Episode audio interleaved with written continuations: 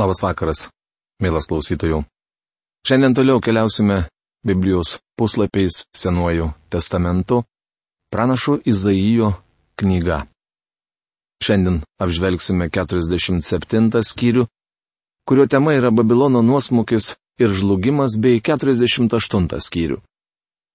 Prieš pradėdami nagrinėti šventąjį raštą, kreipkime į tą, kuris jį mums paliko, kad jisai paaiškintų istorinius, biblinius pasaulio įvykius. Ir mes supratę, dvasinę jų prasme, principus įdėtus juose, galėtume pritaikyti savo gyvenimui. Dangaus Dieve, mes dėkojame tau, kad tu savo vaikams leidi taip kreiptis į tave. Dėkojame tau už tavo brangų sūnų Jėzų, per kurį tu mums atvėrė kelią prieimui prie tavo malonės ir gailestingumo sosto. Dėkojame tau už tai, kad tu esi visavaldis Dievas, nuostabiai sukūręs pasaulius regimai ir neregimai, ir iki šios akimirkos kontroliuoji ir pažadėjai niekada mūsų neapleisti ir nepalikti, bet pažadėjai įvykdyti tai, ką esi pats nusprendęs. Meldžiu valdovę, kad tu apšviestum mūsų protus ir širdis ir padėtum suvokti, suprasti, kaip mes klystame, kaip mes esam atitolę nuo tavęs, kad galėtume sugrįžti savo paklydimo keliu ir galėtume mėgautis tą artimą draugystę su tavimi. Palaimink šį laiką. Padėk mums, dangaus Dieve, suprasti žodžius, kuriuos užrašiai, naudodamas pranašą Izaiją šiuose skyriuose. Jėzaus vardu. Amen. Taigi Babilono nuosmukis ir žlugimas. Izaijo knygoje jau trečią kartą pranašaujama apie Babilono lemtį.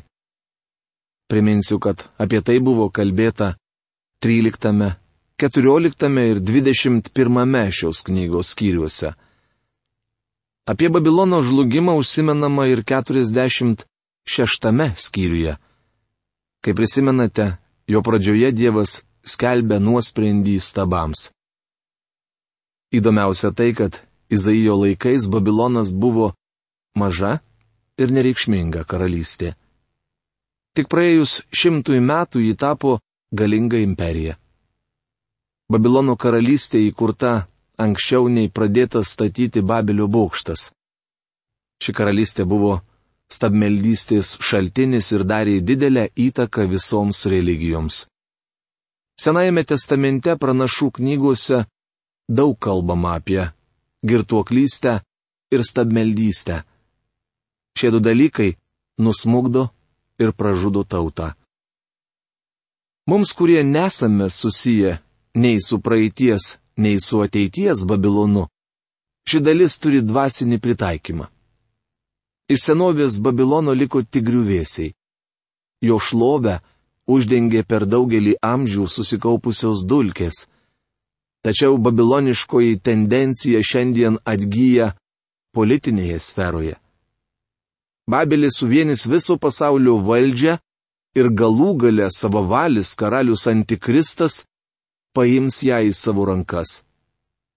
Dabar pasaulyje formuojasi kariniai ir ekonominiai bei religiniai blokai, griūva barjerai skiria Europos tautas. Senovės Babilonas yra visų šių įvykių provaizdis. Babilono nuosmukis. Leip žemyn, sėskis dulkėse, mergelė Babilono dukterie. Tau nebėra sosto, sėsk ant žemės chaldėjų dukterie. Dailiaja ir gašliaja nebūsi daugiau vadinama. Izaijo knygos 47 skyriaus pirmą eilutę. Dievas įsako Babilonui lipti žemyn.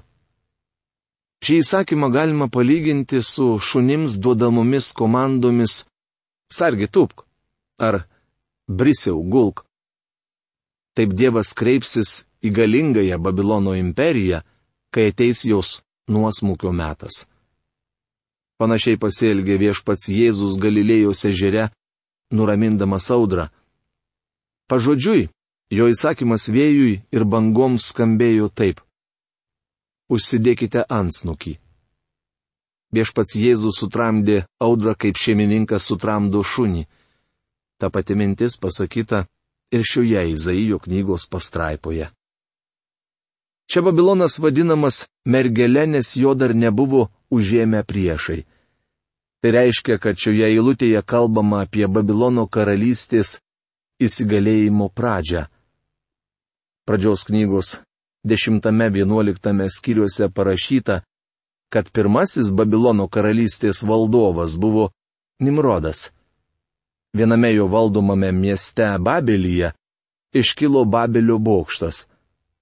Pagal šio bokšto modelį tame slėnyje buvo statomi visi kulto pastatai, vadinami zikuratais. Toliau Izaijas pranašauja apie šiurpų Babilono pažeminimą. Imgirnas ir mal grūdus, nusidenk nuo veido šydą, nusimes kraistę, apsinuogink blauzdas, braidyk po vandenį upėse. Izaijo knygos 47 skyriaus antra eilutė. Tai paprašomas neįsivaizduojamas Babilono pažeminimas, kurį galiausiai teko patirti chaldėjų dukteriai. Jos gyventojai blogai elgėsi su Izraelio tauta, tad vieną dieną buvo pažeminti. Dabar nuogumas populiarus ir net madingas. Žmonės žaidžia su juo kaip vaikai su nauju žaislu, tačiau tai sukelia moralinį nuosmukį. Dievas neatsitiktinai aprengė žmoniją. Žmogus, kuriam norisi vaikščioti nuogam, nėra normalus. Babiloniečiams apnuoginimas buvo pažeminimo dalis. Tavo nuogumas bus iškeltas aikštėn, bus matyti tavo įgėda. Atkeršysiu ir nepagailėsiu.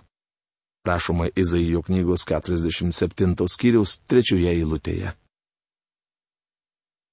Izraelis atiduodamas į Babilono nelaisvę. Eilutėje, kurią dabar skaitysime, sakoma, kad Dievas atidavė Izraelį babiloniečiams. Buvau įpykęs ant savo tautos, savo paveldą buvau išniekinęs, tau į rankas buvau jį atidavęs. O tu jam neparodėjai pagailos ir krovėjai ant senelių labai sunku junga. Izaijo knygos 47 skyriaus 6 eilutė. Dievas aiškiai duoda savo tautai suprasti, jog babiloniečiai paėmė juos į nelaisvę ne dėl to, kad buvo labai galingi. Tai Dievas leido jiems tai padaryti. Tačiau babiloniečiai jautėsi labai galingi ir galvojo, kad savo jėgomis nugalėjo Izraelį. Deja, jie klydo. Dievas atidavė Izraelį į babiloniečių rankas, nes jo tauta nusidėjo. Pranašo Habakuko knygoje kalbama, kad tai buvo Dievo bausmė sakei savo, amžinai viešpatausiu.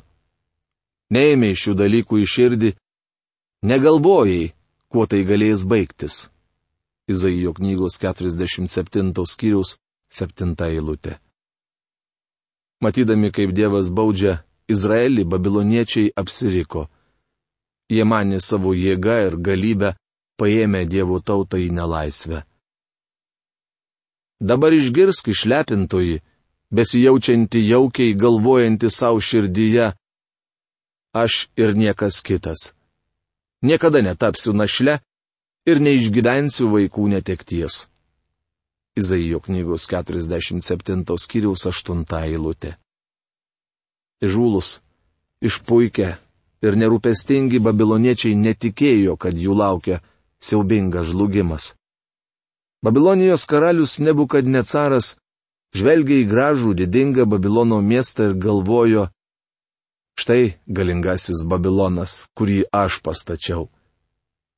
Jis netidavė šlovės Dievui.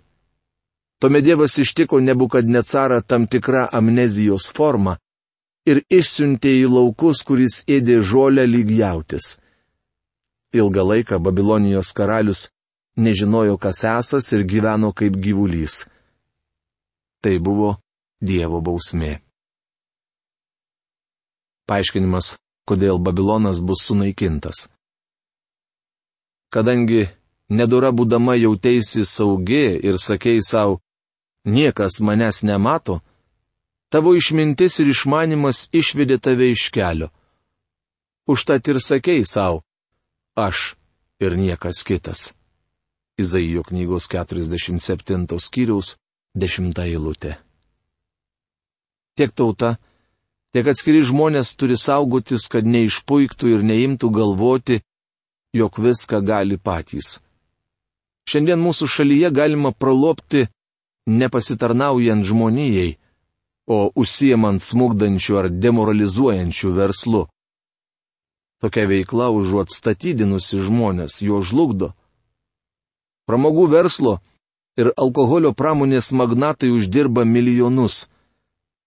Mūsų šalyje yra daug neskaidraus verslo ir negarbingų verslininkų. Nors visą tai dangstoma, Dievas mato ir bausmus, kai baudė babiloniečius.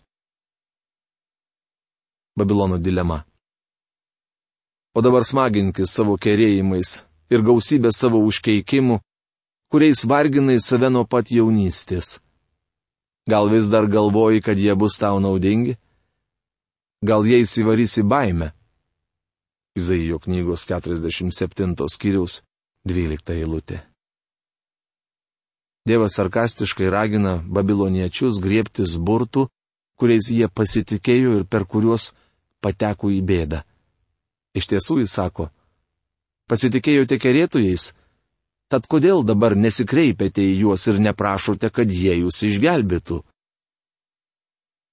Prisidarėjai daug vargo, turėdama tiek patarėjų te ateina ir te gelbėja dabar tave, dangaus tyrinėtojai ir žvaigždžių stebėtojai, kurie per kiekvieną jaunatį numato, kas tau atsitiks. Izaijo knygos 47 skyrius 13 eilutė. Kaip žinote, Babilonas reiškia sumaištis. Miestas pateisino savo vardą, jame įsivyravo maišatis. Šį galingą miestą išlaikė tvirta ekonomika ir bendras vidaus produktas. Tačiau kažkas tautai atsitiko ir jį ėmė merdyti iš vidaus. Mūsų šalies ekonomika vis tvirtėja, tačiau smunka tautos moralė. Deja, mes nenorime to pripažinti. Mūsų tauta yra toli nuo gyvojo ir tikrojo Dievo, nors atrodo iš šalies labai religinga. Senovės Babilonas, kuris tarsi neturi su mumis nieko bendro, skelbė žinę. Trūnijantis šio miesto griuvėsiai šaukte šaukia norėdami mus įspėti apie grėsintį pavojų. 48 skyrius. Tema. Paskutinis kvietimas Jokūbo namams. Dievas ilgesingai šaukia likutį. Trečią Izaijo knygos dalį, kurią dabar nagrinėjame, galime suskirstyti į tris mažesnės dalis. Visos jos baigiamos žodžiais - nedoriliai neras ramybės. Tai prašoma Izaijo knygos 57 skyriaus 21 eilutėje. Mielas bičiuli, Mesijas atneša ramybę, tačiau tie, kurie jį atmeta, niekuomet jos neturės. Garbindamas tabu žmogus nusigręžia nuo mesijo.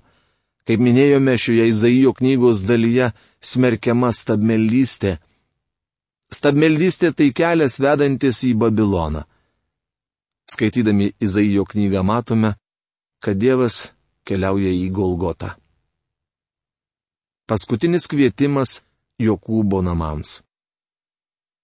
Klausykite štai ko Jokūbo namai vadinami Izraelio vardu kilę iš judos sėklos, prisiekiantis viešpaties vardu ir besišaukiantis Izraelio Dievo, be ištikimybės ir be teisumo. Izaijo knygos 48 skyriaus pirmą eilutę. Kai kas teigia, kad Judas ir Izraelis nėra tas pats. Šią eilutę Dievas paneigia tokią prielaidą. Nebandykite pakeisti vardo, kurį šiai tautai suteikė Dievas. Čia kreipiamas į visus Izraelio namus priklausančius išrinktajai Abromo, Izaoko ir Jokūbo giminystės linijai. Anu ir šių laikų tautos atskalūnės turėtų įsiklausyti į šį paskutinį kvietimą - grįžti pas Dievą. Jos kalba apie Izraelio Dievą taip, tarsi jį pažinotų. Tačiau iš tikrųjų nepažįsta jo ir jam netarnauja. Tų žmonių religija be jokios galios. Nei Junktinės Amerikos valstijos, nei Rusija, nei arabų tautos neišspręs jų problemų. Tik atsigręžę į Dievą jie sulauks pagalbos. Tai vienintelis sprendimas tiek jiems, tiek mums. Nors vadinate šventąją tautą, ir kliaujatės Izraelio dievu, kurio vardas yra galybių viešpats. Izaijo knygos 48 skyrius antra eilutė. Jie giriasi esą Jeruzalės piliečiai ir Dievo vaikai, tačiau tokie yra tik formaliai. Iš tikrųjų jie svetimi Dievui. Žinau, kad esi užsispyręs, nes tavo sprandas tarsi sausgislė iš geležies, o tavo kakta išvario. Izaijo knygos 48 skyriaus 4 eilutė. Dar prieš išvesdamas Izraelitus iš Egipto, Dievas žinojo, kad tai kietas sprendė tauta. Bičiuli, Dievas išsirinko Izraelį ne dėl to, kad jis buvo kažkuo ypatingas. Beje, ir mus jis išsirinko ne dėl mūsų nuopelnų. Aš turiu omenyje tikinčiuosius. Dievas išsirenka žmonės, nes yra maloningas ir mato jų didįjį poreikį.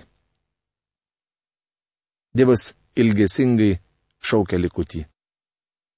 Viešpats ragina savo tautą paklausyti jo. Išgirsk mane, Jokūbai, Izraelį, kurį pavadinau vardu. Aš esu tas pats, aš pirmas, aš ir paskutinis. Izaijo knygos 48 skyriaus 12 eilutė. Profesoriaus Algirdo Jurieno Biblijos vertime šie eilutė prasideda taip. Klausyk manęs, Jokūbai, Izraeli, mano pašauktasis. Regi šia Dievas kreipėsi jau ne į visą tautą, bet į pašauktą į likutį. Aš, aš tai paskelbiau, aš jį pašaukiau, aš jį atvedžiau, jam seksis kelyje. Izaijo knygos 48 skyrius 15 eilutė. Tai Dievo širdies balsas. Prieikite arčiau prie manęs ir klausykitės, ką sakau. Nuo pat pradžios aš nekalbėjau apie tai paslapčiomis. Nuo to laiko, kai tai pradėjo vykti, aš esu čia. Dabar viešpats Dievas ir jo dvasia pasiuntė mane. Izaijo knygos 48 skyrius 16 eilutė. Izaijas tapo Dievo pasiuntiniu.